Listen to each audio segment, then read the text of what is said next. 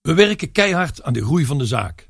In november 1987 gaat de collega dealer in Os failliet. En wij worden gevraagd dit over te nemen. En met succes. We nemen de zaak over, inclusief een deel van het personeel. Zo komt ook Adminte bij ons in dienst, die in 2021 nog steeds voor ons werkt. Naast Automobielservice Veghel hebben we nu ook Automobielservice Os aan de parallelweg in Os, al snel ASO genoemd. In 1990 koop ik de aandelen van mijn compagnon Ben Teunissen en scheiden onze wegen. Ik ga alleen verder. Tegelijkertijd met het vallen van de Berlijnse muur. Mercedes presenteert de nieuwe SL in Berlijn.